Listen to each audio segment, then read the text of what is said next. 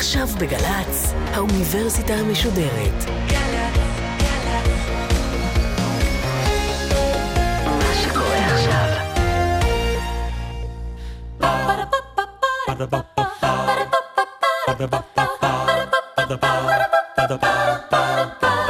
האוניברסיטה המשודרת בשיתוף מיזם וויז מציגה המדען העירום, מיטב החוקרים בישראל בשיחה עם בן שני, אחד על אחד מול קהל. והפעם, שיחה נוספת עם הפרופסור גלית יובל, מאוניברסיטת תל אביב, על זיהוי פנים ועברון פרצופים. עורכת ראשית, מאיה גאייר.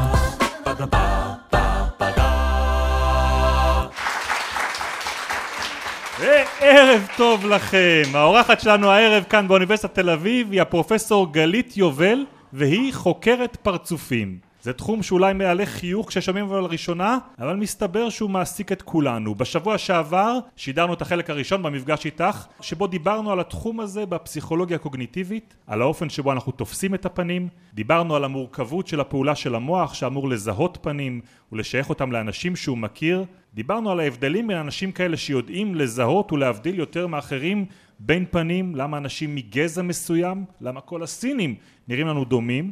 הערב נדבר על מה שניתן ללמוד מהפנים, וגם על הלקות הקשה של האנשים שלא מסוגלים בכלל לזהות פנים, וגם על היישומים שיש למחקרים בתחום, כמו למשל על התוכנות שאנחנו מכירים מהרשת שיודעות לזהות פנים. אז ערב טוב שוב פרופסור גלית יובל. ערב טוב. בואי נתחיל בהבעות פנים. Mm-hmm. מאיזה גיל התינוק יודע לשייך הבעה למצב רוח, לרגש מסוים?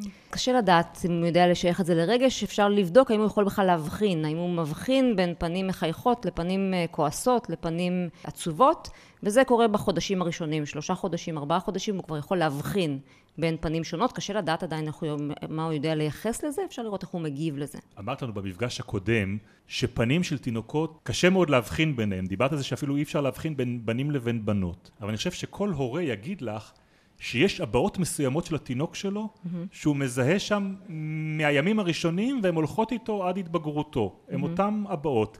את יודעת לשים את האצבע איפה הדמיון הזה נמצא? אני מניחה שזה קיים בהרבה דברים. אני יכולה להגיד לך שאני מזהה הבעות פנים, זה נצרת על ההשוואה בתוכית שלי. זאת אומרת, ברגע שאתה נמצא באינטראקציה כלשהי עם, אה, עם, עם בן אדם, אז אתה מצליח ללמוד באמת דברים מאוד מאוד דקים, שמקושרים לאיזשהן סיטואציות מסוימות, ואתה נהיה מאוד מאוד רגיש לזה. במילים אחרות מה שאת אומרת, שההקשר לא נמצא שם בפנים, במורפולוגיה שלהם, או לא באופן שבהם בנויות, אלא בהקשר שאני בונה במוח לדבר הזה. בהקשר בין האינפורמציה הראייתית לבין הסיטואציה שבה היא קורית. אז מה קורה באמת, ומי הם האנשים שלא מסוגלים לזהות פנים? מה זאת הלקות הזאת? אז זו לקות שבאמת אה, הרבה שנים לא ידעו שהיא בכלל קיימת. זאת אומרת, ידעו שהיא קיימת כתוצאה מנזק מוחי.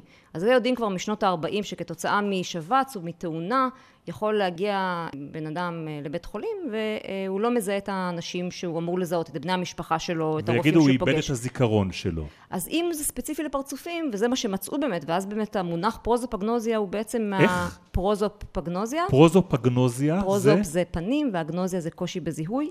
זאת מחלה, זאת לקות. זה הפרעה, זה כמו דיסלקציה. אוקיי. Okay. וזה קושי באמת בלזהות פנים, אז זה דיסלקציה כשבאמת זה משהו שנולדים איתו, אבל כשזה כתוצאה מנזק מוחי, אז אה, אפשר לבדוק האם זה ספציפי לפרצופים או שיש בעיה כללית של זיכרון, ומה שמצאו אצל חלק מהאנשים, שהבעיה הייתה ספציפית בזיהוי אנשים פרצופים. למה? למה זה ספציפית קורה לפרצופים? אז זה באמת מתקשר לזה שגם יש לנו אזורים במוח שמגיבים באופן סלקטיבי לפנים, ואחד הדברים באמת שרואים זה שאנשים שיש להם נזק באזורים האלה, היום אנחנו יודעים, אז לא אפשר היה לעשות את ההדמיה המוחית הזאת, אז זה בעצם פוגע ביכולת הזיהוי גם. זאת אומרת, אם האדם נפגע בחלק הזה של המוח, הוא יתקשה אחר כך בזיהוי פנים, כמו שאנשים אחרים מזהים בשליפת מילים, או, או בדיבור, או בתנועה. נכון, נכון. ויש כמה אזורים, ופגיעה באחד מהם יכולה לפעמים לעשות את זה. זאת אומרת, זיהוי הפנים הוא ממש, לצורך העניין, שריר שמתפתח אצלנו עם השנים, ואם הוא נפגע, אז אין, אין דרך לחזור אחורה בעניין הזה? בעיקרון, אחד הדברים שאנחנו חושבים דווקא, זה יכול להיות שיש להם איזושהי, איזושהי מערכת שהיא דווקא מולדת. זאת אומרת, שיש לנו בעצם איזושהי מוכנות ביולוגית להבחין בין פנים, אה, לייצג פנים, ואם היא נפגעת, אז היא... מה מאפיין את אה, האנשים האלה? זה אנשים מאוד מבולבלים. עכשיו אנחנו מדברים על לא אלה שעברו פגיעה מוחית, כי אז בעצם הבן אדם לפני זה זיהה ועכשיו הוא לא מזהה, אז מאוד ברור לו שקרה איזשהו שינוי.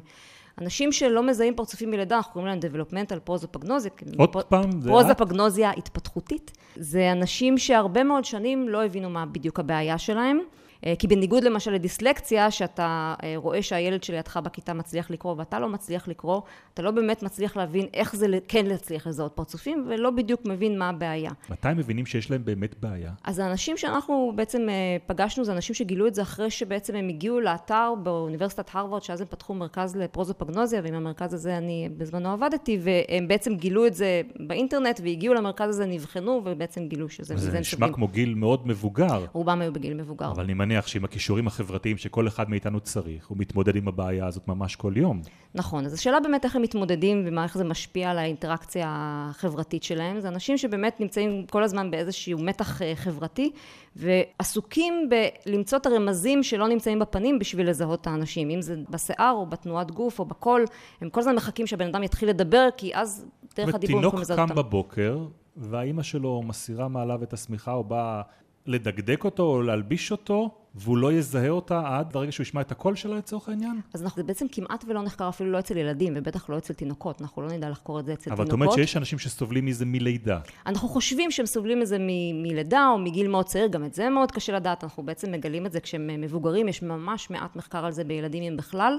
אבל זה משהו שגם דרך אגב כנראה גנטי, זאת אומרת, אנשים, חלקם לפחות מדווחים שגם קרובי משפחה שלהם סובלים מאותה בעיה, וזה משהו שהולך עם האנשים האלה ככל הנראה כל השנים, לפחות לפי מה שהם מדווחים. זה בהכרח נראה לי קשור בקושי חברתי מאוד גדול. נכון, בקושי חברתי. זה, זה, זה בעיקר בשלב הראשוני, כי ברגע שהתחלת לדבר עם הבן אדם ואתה כבר מזהה אותו, אז, אז הכל בסדר. זאת אומרת, מה, לוקח לו רק קצת יותר שניות מאדם רגיל להתאפס על מי זה זה שיושב אה, מולו? במידה ויש איזושהי אינטראקציה עם בין הבן אדם, עוד פעם, אני לא מנסה להמעיט בקושי של זה, אבל זה בעיקר קושי במפגש הראשוני, שבו אתה מגיע למקום ולא יודע מי מוכר אז מה החלופות שאותו אדם שסובל מפרוסופוגנוזיה, מה האסטרטגיה שהוא בוחר לעצמו כדי לזהות אנשים? אז הרבה מסתמכים על שיער, ואז באמת אם מישהו משנה תסרוקת או שם כובע, זה מפיל אותם לגמרי.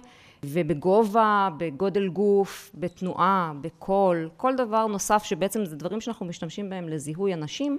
אבל אצל רובנו זה דברים שניוניים, אנחנו קודם כל מזהים על סמך הפנים ואחרי זה על סמך שאר הדברים, אז uh, אצלהם זה בעצם הדבר הראשוני, ובאמת נגיד עשו מחקר, ראו שפרוזופוגנוזים מזהים קול יותר טוב מאשר אנשים שהם לא פרוזופוגנוזים, כי זה דבר מאוד עיקרי שמשתמשים בו. אבל יש גם דברים אחרים שמבדילים אותנו, אני יודע מה, הנוכחות שלנו בחלל, האופן שבו אנחנו מתנועים בו, גם הם יוצרים לנו איזושהי טביעת אצבע ייחודית לכל אחד מאיתנו, ממש כמו פנים? אז אנחנו חושבים שבעיקרון, ויש לזה מעט מאוד מחקר, אה, ואנחנו באמת אה, קצת מנסים אה, לחקור את זה במעבדה שלנו בשנים האחרונות, לנסות לראות איזה עוד אינפורמציה נוספת אנחנו יכולים להוציא, להשתמש בה כדי לזהות אנשים, ואחד מהדברים האלה זה באמת זיהוי מתנועה של גוף. וההפרעה הזאת היא אופיינית בין היתר בקבוצות שאנחנו רואים אצלהם בעיה אחרת מבחינה חברתית, אני לא יודע, חרדות מסוימות, אולי אפילו אה, אוטיזם. אז באוטיזם באמת רואים קושי בזיהוי פנים, אבל אנחנו לא נקרא לזה אז פרוזופגנוזיה, זה נובע מבכלל קשיי התקשורת הכלליים שיש לאנשים שסובלים מאוטיזם. פרוזופגנוזיה, אחד הדברים המעניינים שמוצאים שם זה שזה דבר מאוד מאוד ספציפי, שבשאר הדברים באמת אין שום בעיה, ואם יש באמת איזושהי חרדה חברתית, היא בעצם שניונית, או נובעת מזה שבעצם יש להם קושי בזיהוי והם לא ממש יודעים איך להתמודד עם זה, וזה לא בגלל החרדה החברתית שהם לא מזהים פרצופים. אז יש לכם טיפול להציע להם? לא, אין לנו טיפול בינתיים. אין אימון, אין שום ניסו דבר... ניסו לאמן, אבל הנה, באמת, האימונים שניסו לעשות זה באמת אימונים אה, פרספטואליים, תפיסתיים, להראות להם הרבה הרבה הרבה פרצופים, אנחנו כבר רואים, זה אפילו לנו זה לא עזור כשהם מראים לנו הרבה פרצופים, אז למה שזה יעזור להם? צריך לעשות משהו אחר, אנחנו עוד לא יודעים. ולא יודעים מה. אנחנו עוד לא יודעים מה. טוב, הנה משהו, הנה סטארט-אפ, לא? אנחנו, זה, כן, חושבים על זה כל הזמן. אז בואי נדבר על סטארט-אפים. איך זה שגוגל יודע אחרי שאני מעלה אליו את התמונות כבר להציע לי את השמות של האנשים שמופיעים בהם. אז בעיקרון... זה קשור לתחום המחקר הזה בכלל? זה קשור לנושא הזה שמנסה להבין uh, פנים? אז העולם של אלגוריתמים לזיהוי פנים והעולם שחוקר איך אנשים מזהים פנים הם שני עולמות שמתנהלים במקביל. זאת אומרת, אנשים מתחום מדעי המחשב והנדסה שכותבים אלגוריתמים לזיהוי פרצופים, מה שמעניין אותם זה לכתוב איזשהו אלגוריתם שיצליח לזהות פרצופים, לא בהכרח כמו שהמוח עושה את זה. עכשיו, בגלל שאנחנו עוד לא לגמרי יודעים להסביר איך המוח עושה את זה, אז אנחנו בטח גם לא יכולים לעזור לאנשים שכותבים אלגוריתמים ולהגיד להם, הנה, זה מה שתכניסו לאלגוריתם וזה יעבוד כמו אנשים. אבל את יודעת שיש משהו שלא משתנה בפנים שלנו? לא משנה, גם נתבגר תוך 10, 15, 20, 30 שנה, יישאר 50 אה, שנה, יישאר אותו דבר בפנים שלנו. לא, זה גם אחד המחקרים שניסינו אה, לעשות בזמן האחרון, זה למצוא איזה בעצם אברי אה, פנים נשארים קבועים גם תחת שינויים בתאורות ובזוויות. אז נגיד עובי שפתיים זה אחד הדברים שמצאנו שהם כדאי להשתמש בהם, ועובי גבות זה משהו שמצאנו שכדאי להשתמש בהם, שאנחנו, יש לנו איזושהי רגישות אליהם, ואנחנו משתמשים במהלך הזיהוי, והם גם יותר קבועים כשאנחנו משנים את התאורה ומשנים את הזווית. אני ישבתי פעם עם חוקר במעבדה לזיהוי פלילי של המשטרה, mm-hmm. שמתמחה בזיהוי מתוך צילומים. הוא הולך ומעיד אחר כך בבית המשפט, שמה שראינו לצורך העניין במצלמת האבטחה, הוא הפנים של אותו אה, פושע שעומד עכשיו לדין. והוא סיפר לי על כמה דברים שלא משתנים. הוא סיפר לי על חיבור תנוך האוזן לגוף. Mm-hmm. הוא סיפר לי על משהו בפרופורציה שבין היחס בין האישונים, mm-hmm. לא יודע אפילו על מה, את יודעת על מה הוא מדבר? זה כשאתה מסתכל על פנים בתור תמונה. אה, מה שנקרא, שטוחה, דו-ממדית, בתור איזשהו גירוי ויזואלי אה, שהוא פיור, אה, מה שנקרא, טהור. אז איך אנחנו מסתכלים עליו? אז בעצם פנים מבחינתנו זה כמו שאני, ובעיקר פנים מוכרות, זה איזשהו קונספט, איזשהו דבר שיש לו גם אלמנטים ויזואליים וגם אלמנטים לא ויזואליים. זאת אומרת, אנחנו מוסיפים. הרבה יותר מאשר מה שאנחנו רואים מתוך המוח שלנו כדי להגיד מה זה הפנים האלה. אנחנו משלימים הרבה דברים. נכון, אז כשנמראה לך תמונה של פרצוף לא מוכר או של פרצוף סיני, אתה מסתכל ואומר לי, זה פרצוף סיני, זה פרצוף, וכשנמראה לך תמונה של אובמה, אתה אומר, זה אובמה, וזה לא פרצוף, זה בן אדם. אותו חוקר זיהוי פלילי סיפר לי על פגם שלא הייתי מודע לו, שנקרא כפל דרווין. באוזן. שאפשר יש להשתמש בו. יש לנו איזה כפל קטן כזה, mm-hmm. והוא לא הולך ולא משתנה לאורך השנים. אז האמת היא שמה שמעניין זה בעצם שלשוטרים שעוסקים בזיהוי פלילי, באמת מה שמלמדים אותם זה להשתמש בכל הדברים האלה, שזה לא בהכרח הדברים שאנחנו משתמשים בהם כשאנחנו מזהים אנשים, okay. אוקיי. אבל זה דברים שבאמת, כשעושים השוואה, השוואה בין תמונות, אז זה באמת דברים שיכולים לעזור, וזה דברים שקשורים באמת לאנטומיה. ועשו באמת מחקרים לאחרונה שישבו בין אה, שוטרים שקוראים להם face examiners, שזה המקצוע שלהם, ובאמת מה שהם עושים, הם עושים השוואת תמונות. נגיד, אחד הדברים המעניינים שרואים אצלהם, זה שיש אה, אפקט מאוד מעניין בזיהוי פנים, זה כשאנחנו הופכים פנים ב-180 מעלות, אז אנחנו מאוד מאוד מתקשים בלזהות את הפנים. פנים, שעושים את המירור אפקט. פשוט תהפוך את הפנים ב-180 מעלות, תראה אותם הפוך, עם העיניים למטה והפה למעלה. אה, אוקיי. זה דבר מאוד מעניין, שמי שלא מכיר שווה לנסות בבית, להסתכל על פנים שהופכים אותם ב-180 מעלות, ופתאום גם אנשים שאנחנו מכירים מאוד קשה לנו לזהות אותם. והפייס אקזמינרס האלה יכולים לעשות את ההשוואות האלה בדיוק באותה מידה, גם בישרים וגם בהפוכים. זאת אומרת, הם לא עושים באמת זיהוי פנים, הם עושים השוואה של תמונות. הם לא הולכים ומשלימים את האינפורמציה הנוספת שאנחנו עושים, משלימים אותה במוח, אלא הם באמת מחפשים את העניין המדעי, את אותם... uh, נקודות כמו בטביעת אצבע שהם יוכלו להבדיל בזכותם. בדיוק כמו טביעת אצבע, השוואת תמונות, שזה השוואת תמונות במקרה הזה של פנים, אבל אותה השוואה אפשר לעשות גם על טביעות אצבע או על כל דבר אחר. אבל בואי נדבר על. האלמנט הפלילי שקיים בעניין הזה, האלמנט. המשפטי. ראיה שהיא ראיה חזקה, היא מסדר זיהוי. מביאים קורבן עבירה מול שורת חשודים, והוא אמור לזהות מתוכם את מי ש... שביצע את אותה עבירה. Mm-hmm. עד כמה את מאמינה בזה? מתוך מחקרים שאנחנו עושים במעבדה, ובאמת נותנים לאנשים לראות תמונות של אנשים, ואחרי זה לראות אפילו סרטונים שלהם, אנשים עושים כל כך הרבה טעויות, זה באמת אה, ממש... מה זה כל כך הרבה? תני לי מספרים. הם לא מצליחים, אנחנו למשל, אני נותנת לך באמת השוואה נורא פשוטה, אני אראה לך תמונה של בן אדם, וסרטון שלו שצילמנו ביום אחר, עם בגדים אחרים, לפעמים אפילו עם תסרוקת אחרת. ואני רואה אותו פעם אחת פה, ואז... אפילו אחד ליד השני. אתה לא צריך לנסות לזכור שום דבר. 70 אחוז אה, זיהוי. זאת אומרת, ממש המון המון המון טעויות. אז יבואו ויגידו לך, אוקיי, זה בגלל שאת מראה להם את זה בתמונה, ואין את אותה תלת-ממדיות, אבל מה עם מי שגרם לי טראומה מאוד קשה, שמשהו בו צרב בי משהו, אני... אה, אני לא יכול למחוק את הפרצוף שלו מהזיכרון, כמו שאומרים הרבה עדים במשפטים כאלה. נכון, וזה באמת משהו שאי אפשר לחקור במעבדה, נכון? אנחנו לא נעשה לזה סימולציה במעבדה למשהו שהוא באמת מאוד מעורר מבחינה רגשית, אבל באמת שאנחנו יודעים ממחקרי זיכרון באופן כללי, שיש לנו נטייה לחשוב גם בנוגע לזיהוי פרצופים, גם בנוגע לזיכרון באופן כללי, שהדרך שבה אנחנו מאבדים אינפורמציה בעולם, זה כאילו יש לנו איזה מצלמה, שמה שיש לנו בזיכרון זה בעצם איזשהו אה, משהו שתואם את המצלמה הקטנה הזאת שאנחנו מסתובבים איתה ומתעד את זה בצורה מדויקת. ומחקרים לא רק בזיהוי פרצופים, גם במחקרי זיכרון מראים שהפער בין הזיכרון שלנו ובין הדרך שבה אנחנו מייצגים את האינפורמציה שראינו למה שקרה באמת הוא אדיר, הוא מאוד מאוד גדול, אה, ואנשים עושים הרבה מאוד טעויות, זאת אומרת, לסמוך על יכולת זיהוי ועל זיכרון של אה, עדויות, וגם כשהן רגשיות, זה דבר מאוד מורכב. אז מה את חושבת על מסדרי זיהוי באופן כללי? אני חושבת שהיה עדיף להימנע מלהכריע דברים על סמך מסתרי זיהוי, זאת אומרת, צריך שזה יהיה אולי אחת הראיות, אבל בטח בטח לא ראייה מרכזית, והמון פעמים זה הופך להיות ראייה מרכזית, ככה שיש הרבה מאוד ראיות נסיבתיות נוספות שהן די גרועות, אבל ברגע שחשבו שזיהו, אז מבחינתם זה כבר הכל מסתדר לאיזה מין תמונה חזקה. אבל בעצם זה אוסף של ראיות גרועות, והזיהוי הוא אחד מהם. ואת לא חושבת שהאירוע הטראומטי הזה צרב משהו בקורבן שהוא לא ישכח את הפנים? לא בהכרח זה אומר שהוא זוכר בדיוק את מה שהוא ראה שם, והמון פעמים גם התנאים שבהם אנחנו רואים את הסיטואציה הזאת הם תנאים שלא מאפשרים לנו באמת לשלוף אותה כמו שצריך. אז בואי נלך יותר רחוק, קלסטרונים. את מאמינה בזה? אז קלסטרונים הרבה שנים היו מבוססים אברי פנים. תגיד לי מה גודל העיניים, האם האף הוא כזה, האם הפה הוא כזה.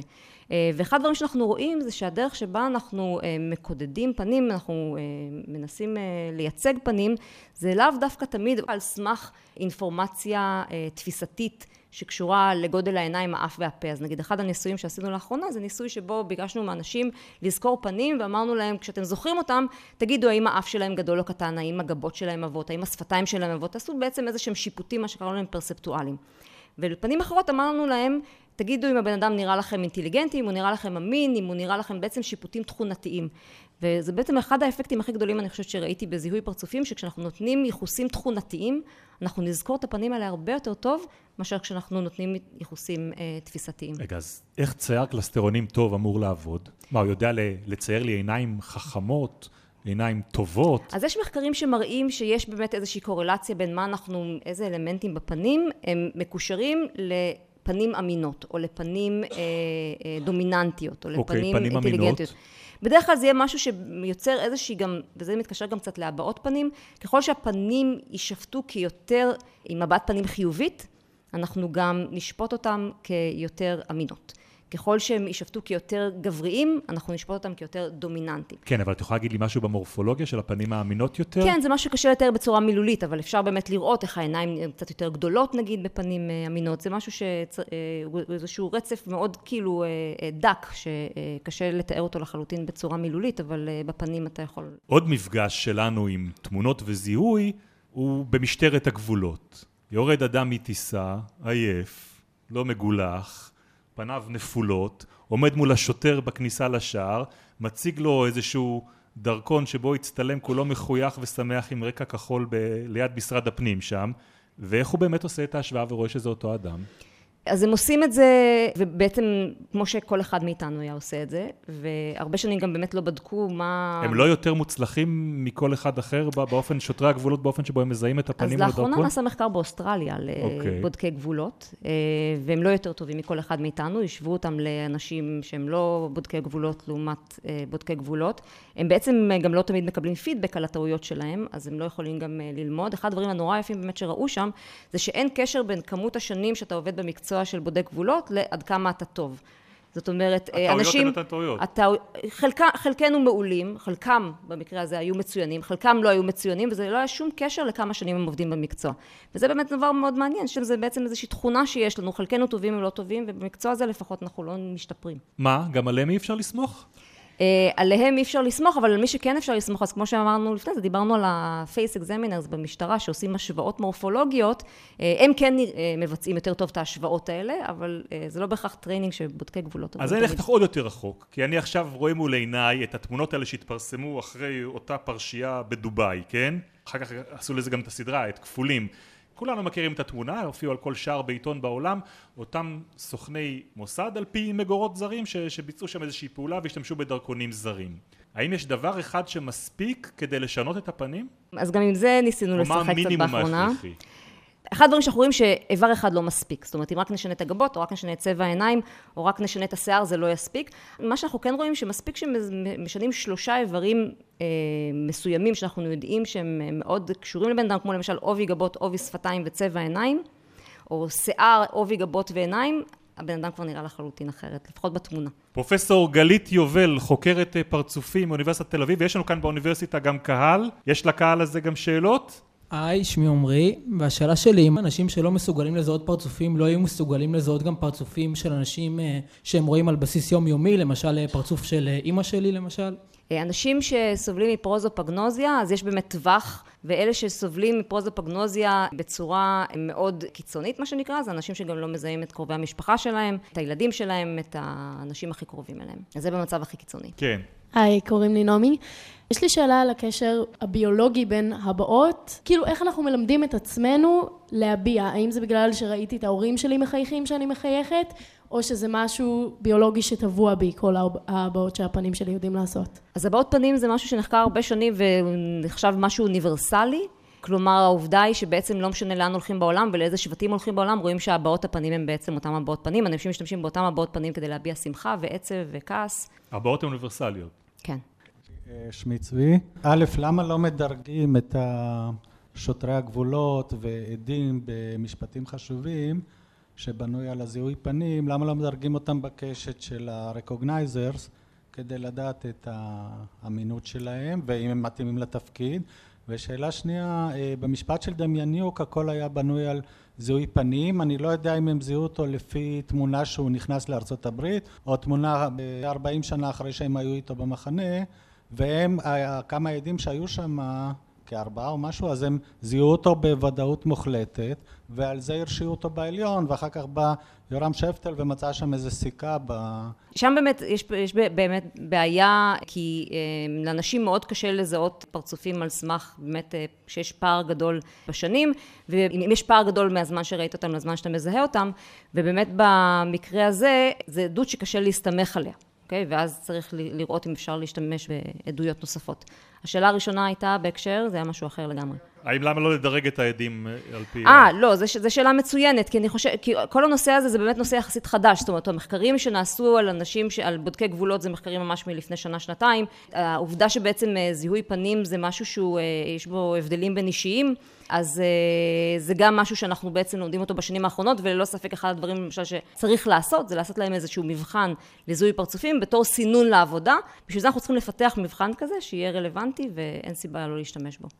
קוראים לי רקפת. אני מנסה להבין מה את מגדירה בתור המנגנון של זיהוי. זאת אומרת, אני מדברת בתור אדם שנפגע בתאונה, והתקלקל לי באיזושהי רמה מנגנון הזיהוי. עכשיו, mm-hmm. נשארו לי דברים מאוד מוזרים. יש לי זיהוי רגשי, יש לי המון false positive, יש לי מכרה שהיא לגמרי prosopagnosiac, ורק כשהכרתי אותה הבנתי בכלל מה קורה לי.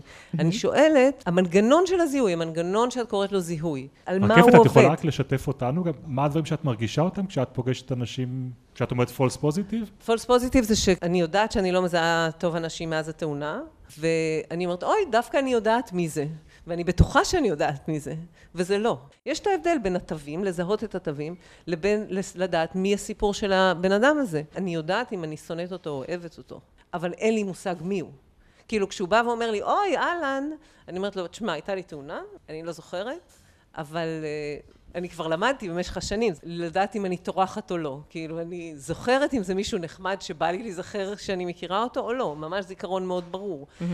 אבל זה לא מעניין הסיפור שלי, מעניין אותי, כאילו, מה את קוראת מנגנון זיהוי? כאילו, מה זה זיהוי במובן הזה? כן, אז הזיהוי, נכון, אני מסכימה איתך. מעבר למשחק של הזיכרון. לא, לא, אני מסכימה איתך, זה באמת אה, שני, מבחינתנו זה שתי, מה שנקרא, מטלות שונות. והן באמת שונות בהקשר של האם אני מדברת על פנים מוכרים לעומת פנים לא מוכרים. כשאני רוצה לדעת האם את מצליחה לזהות פנים לא, לא מוכרים, שזה בעצם מה זה לזהות פנים לא מוכרים? זה לראות שתי תמונות של אותו בן אדם, שצולמו נגיד בימים שונים, או לראות אותו בתנועה לעומת לא בתנועה, ואני צריכה שתגידי לי האם זה אותו בן אדם או לא אותו בן אדם, שזה משהו שנראה לנו מאוד טריוויאלי לעשות, אבל זה מאוד קשה. כי אנחנו לא מצליחים לעשות את ההכללה הזאת בין אה, שתי תמונות שונות של אותו בן אדם. אז זה סוג אחד של זיהוי. כשאנחנו מדברים על פנים מוכרות, אז גם יש את הדבר הנוסף הזה שאנחנו רואים את הבן אדם וצריכים להגיד מי זה, אוקיי? וזה, לשניהם אנחנו קוראים זיהוי, אה, והשאלה אם זה שני דברים שהם אותו דבר או לא אותו דבר, יש הבדלים ביניהם, באופן שבו אנחנו מזהים אנשים מוכרים, לאופן שבו אנחנו משווים פרצופים שהם לא מוכרים. זה לא ממש מנגנון אחר במוח, כמו העובדה שברגע שאנחנו מזהים בן אדם מוכר, אז כמו שאני אומרת, הבן אדם הוא כבר לא תמונה. הוא בעצם קשור לכל האינפורמציה, וכמו אפילו שאת אמרת, אני, יש לי זיכרונות של אני כן מחבבת אותו או לא מחבבת אותו, זה באמת דברים שאנחנו מקשרים לתמונה הזאת של הפנים. בן אדם לא מוכר, זה בסך הכל תמונה בסופו של דבר. שם פותר את הבעיה, כמעט תמיד. פותר את הבעיה מהבחינה הזאת שברגע שיש לך את השם, אז גם מתלבש לך על הפרצוף. מתחבר החיבור, הסיפור, ואז אני, כן, יכולה לאשש. אני חושב שזה מזכיר את המחקר שסיפרת עליו באוניברסיטה העברית על השם. גם קצת, אבל אני חושבת שאפילו יותר מזה, אני חושבת שסתם אולי זו חוויה שיש פה לאנשים שהם, אה, למשל הייתם בכנס מחזורים, כנס מחזורים אתה בעצם פוגש אנשים שלא פגשת 25 שנה, וחלקם השתנו וחלקם לא השתנו, ואלה שאתה לא מצליח לזהות אותם, ברגע שאתה מסתכל בטאג ורואה את השם שלהם, אז פתאום הפנים שלהם עוברות איזושהי מטמורפוזה, ואוי, נכון, זה, זה, זה הבן אדם. שלפני זה הוא, הוא לא היה. זה אולי ההגבלה שאני יכולה לעשות, שאיך אנחנו בעצם, הידע שיש לנו על אנשים, גם אם בסופו של דבר עוזר לנו להתחבר לחלק הוויזואלי של הפנים שלהם. כמה יוצא לך ביום יום לפגוש אנשים כמו רקפת שמספרים לך סיפור? מעט אז... מאוד, מעט מאוד, כן. זה, זה סיפורים נדירים. שאלה אחרונה לערב? אה, אני רוצה לחזור רגע למה שהתחלתם בשלב מוקדם, על הקשר בין הטכנולוגיה, שיש היום אמצעים טכנולוגיים מתקדמים יחסית, לבין היכולת של לרתום את הטכנולוגיה הזאת לטפל או לעזור לאנשים שסובלים מהלקות הזאת. האם יש משהו שמתקיים בכיוון הזה, או עתיד להיות? בעצם רק לאחרונה אלגוריתמים חישוביים הצליחו להגיע ליכולת של זיהוי פנים שהיא קרובה ליכולת של אנשים. ובשלב הזה זה בעצם אומר שכבר אפשר להשתמש אה, בטכנולוגיה הזאת כדי באמת לעזור לאנשים שלא מזהים פנים, אם על ידי איזושהי מצלמה שמחוברת למשקפיים, במידה ובאמת האלגוריתם לא עושה טעויות ומזהה אה, כמו שצריך. אבל זה ממש שינוי של השנים המאוד מאוד אחרונות, שיש איזושהי קפיצה מאוד גדולה, שהיכולת של אלגוריתמים לזהות פרצופים מתקרבת, היא עדיין לא אה, לגמרי, אבל מתקרבת ליכולת של, שלנו, של אנשים. פרופסור גלית יובל, אנחנו לקראת סיום, ולקראת סיום תמיד אנחנו עושים שאלון שהתשובות עליו צריכות להיות קצרות. את משתמשת באימוג'י? אה, כן. את יודעת באיזה הבעה הכי הרבה? אה, שמחה כמובן. הסמיילי? כן. הרגיל? כן, אבל אני לא משהו בזה, הבת שלי מדהימה בזה הרבה יותר ממני. אוקיי. אל תסגירי שמות ופרטים אישיים, אבל אם אני אבקש ממך עכשיו להיזכר במישהו שאת פניו לא זיהית במפגש ביניכם, את יודעת למה לא זיהית אותו? אז כמו שאמרתי, קצת בכנס מחזורים זה קרה, זה קורה הרבה עם אה, סטודנטים לצערי, שלוקח לפעמים כמה זמן, בעיקר אם לא היו בינינו הרבה פגישות. זאת אומרת, אם, אם, אם הקשר לא, לא נשאר רציף. כן, כן, אז יותר קשה. מתי את מביטה על מישהו ואומרת לעצמך, הוא הזדקן? את יודעת להגיד מה האיבר בפנים שמבטא הכי הרבה את העובדה שהזדקנו? אה, יש משהו במבנה של הפנים שמשתנה, אצל גברים זה דווקא יותר, הם נהיים יותר רחבים, וכמובן קמטים. חשבתי ששיער. לא, אנחנו צוות השיער. אוקיי. אם הייתה לך אפשרות בלתי מוגבלת של תקציב או אמצעים, איזה מחקר היית עורכת? אמ, המחקרים שאנחנו עורכים בסופו של דבר זה מחקרים שבהם אנחנו מנסים אה, לנסות להבין את הזיהוי. מה שאנחנו צריכים בסופו של דבר בשביל המחקרים האלה זה שיהיה לנו ככה באמת databases מאוד מאוד עשירים שבהם נוכל להשתמש כדי אה, לבנות את הניסויים שלנו ונוכל, אחד הדברים שאנחנו חושבים שבסופו של דבר יהיה מאוד מעניין לעשות זה קצת להוציא את הדברים מהמעבדה ולנסות לחקור אותם בעולם האמיתי. והיום באמת יש כל מיני כלים שמאפשרים לעשות את זה. מה למשל? למש... מה זאת אומרת בעולם האמיתי? למשל אתה יכול אה, היום למדוד תנועות עיניים בעולם האמיתי, יש דברים כאלה שנקראים mobile eye trackers ויש אה, EEG שאתה יכול לשים ולהסתובב איתו בעולם. ובעצם עד היום אנחנו למדנו המון גם עם uh, תנועות עיניים וגם עם EEG, על איך אנחנו עושים את זה כשאנחנו רואים תמונות על מסך. היום אנחנו קצת ממש מתחילים בשנים האחרונות להסתכל על סרטים על מסך. אבל המעבר לעולם האמיתי יכול להיות שיגלה לנו דברים uh, הרבה יותר uh, משמעותיים, ובגלל שאנחנו כבר כל כך יודעים איך המוח מגיב ואיך התנועות עיניים מגיבות לתמונות של פנים ולסרטים של אנשים, אני חושבת שהמעבר הזה דווקא אולי הוא לא מסובך מדי, אבל הוא כן דורש איזושהי אופרציה הרבה יותר גדולה. איזה מחקר שמתקיים היום בעולם מאוד מסקרן אותך כבר לדעת מה התוצאות שלו. אני חושבת שבאמת הנושא הזה של ההשוואה בין האלגוריתמים החישוביים ובאמת ליכולת אה, של המוח האנושי, זאת אומרת עד לפני זמן קצר באמת היה פער גדול והפער מתחיל להצטמצם. ואני חושבת שההשוואה בין שתי היכולות האלה, זאת אומרת באיזה שלב אולי הם יעברו אותנו והם יהיו יותר טובים מאיתנו, איזושהי יכולת באמת לעשות איזושהי השוואה בין אה, שני הדברים ולראות האם אנחנו עושים את אותן טעויות או לא אותן טעויות, האם אנחנו יכולים בעצם ללמוד הזיהוי האנושי לזיהוי החישובי ולהפך, אה, זה דברים שיכולים להיות מאוד מעניינים. אוקיי, okay, ושאלה אחרונה אם תסכימי, תעצמי רגע עיניים, מה צבע העיניים שלי? חום. טוב! זה מזל. תודה רבה לך, פרופסור גלית יבל, תודה רבה רבה על השיחה הזאת. את התוכניות שלנו במסגרת המדען היום את כל האוניברסיטה המשודרת עורכת מאיה גאייר, את ההפקה והתחקיר עושות עבורנו אביגיל קוש ותום נשר על הביצוע הטכני תמיד בן יהודאי ובן קטן.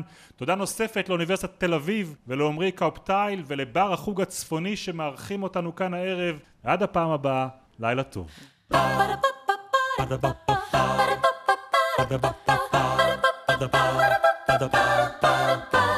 האוניברסיטה המשודרת, המדען העירום. בן שני שוחח עם הפרופסור גלית יובל מאוניברסיטת תל אביב על זיהוי פנים ועיוורון פרצופים. עורכות ומפיקות אביגיל קוש ותום נשר. מנהלת תוכן מאיה להט קרמן. עורך דיגיטלי נדב הלפרין. האוניברסיטה המשודרת, בכל זמן שתרצו, באתר וביישומון של גל"צ וגם בדף הפייסבוק של האוניברסיטה המשודרת.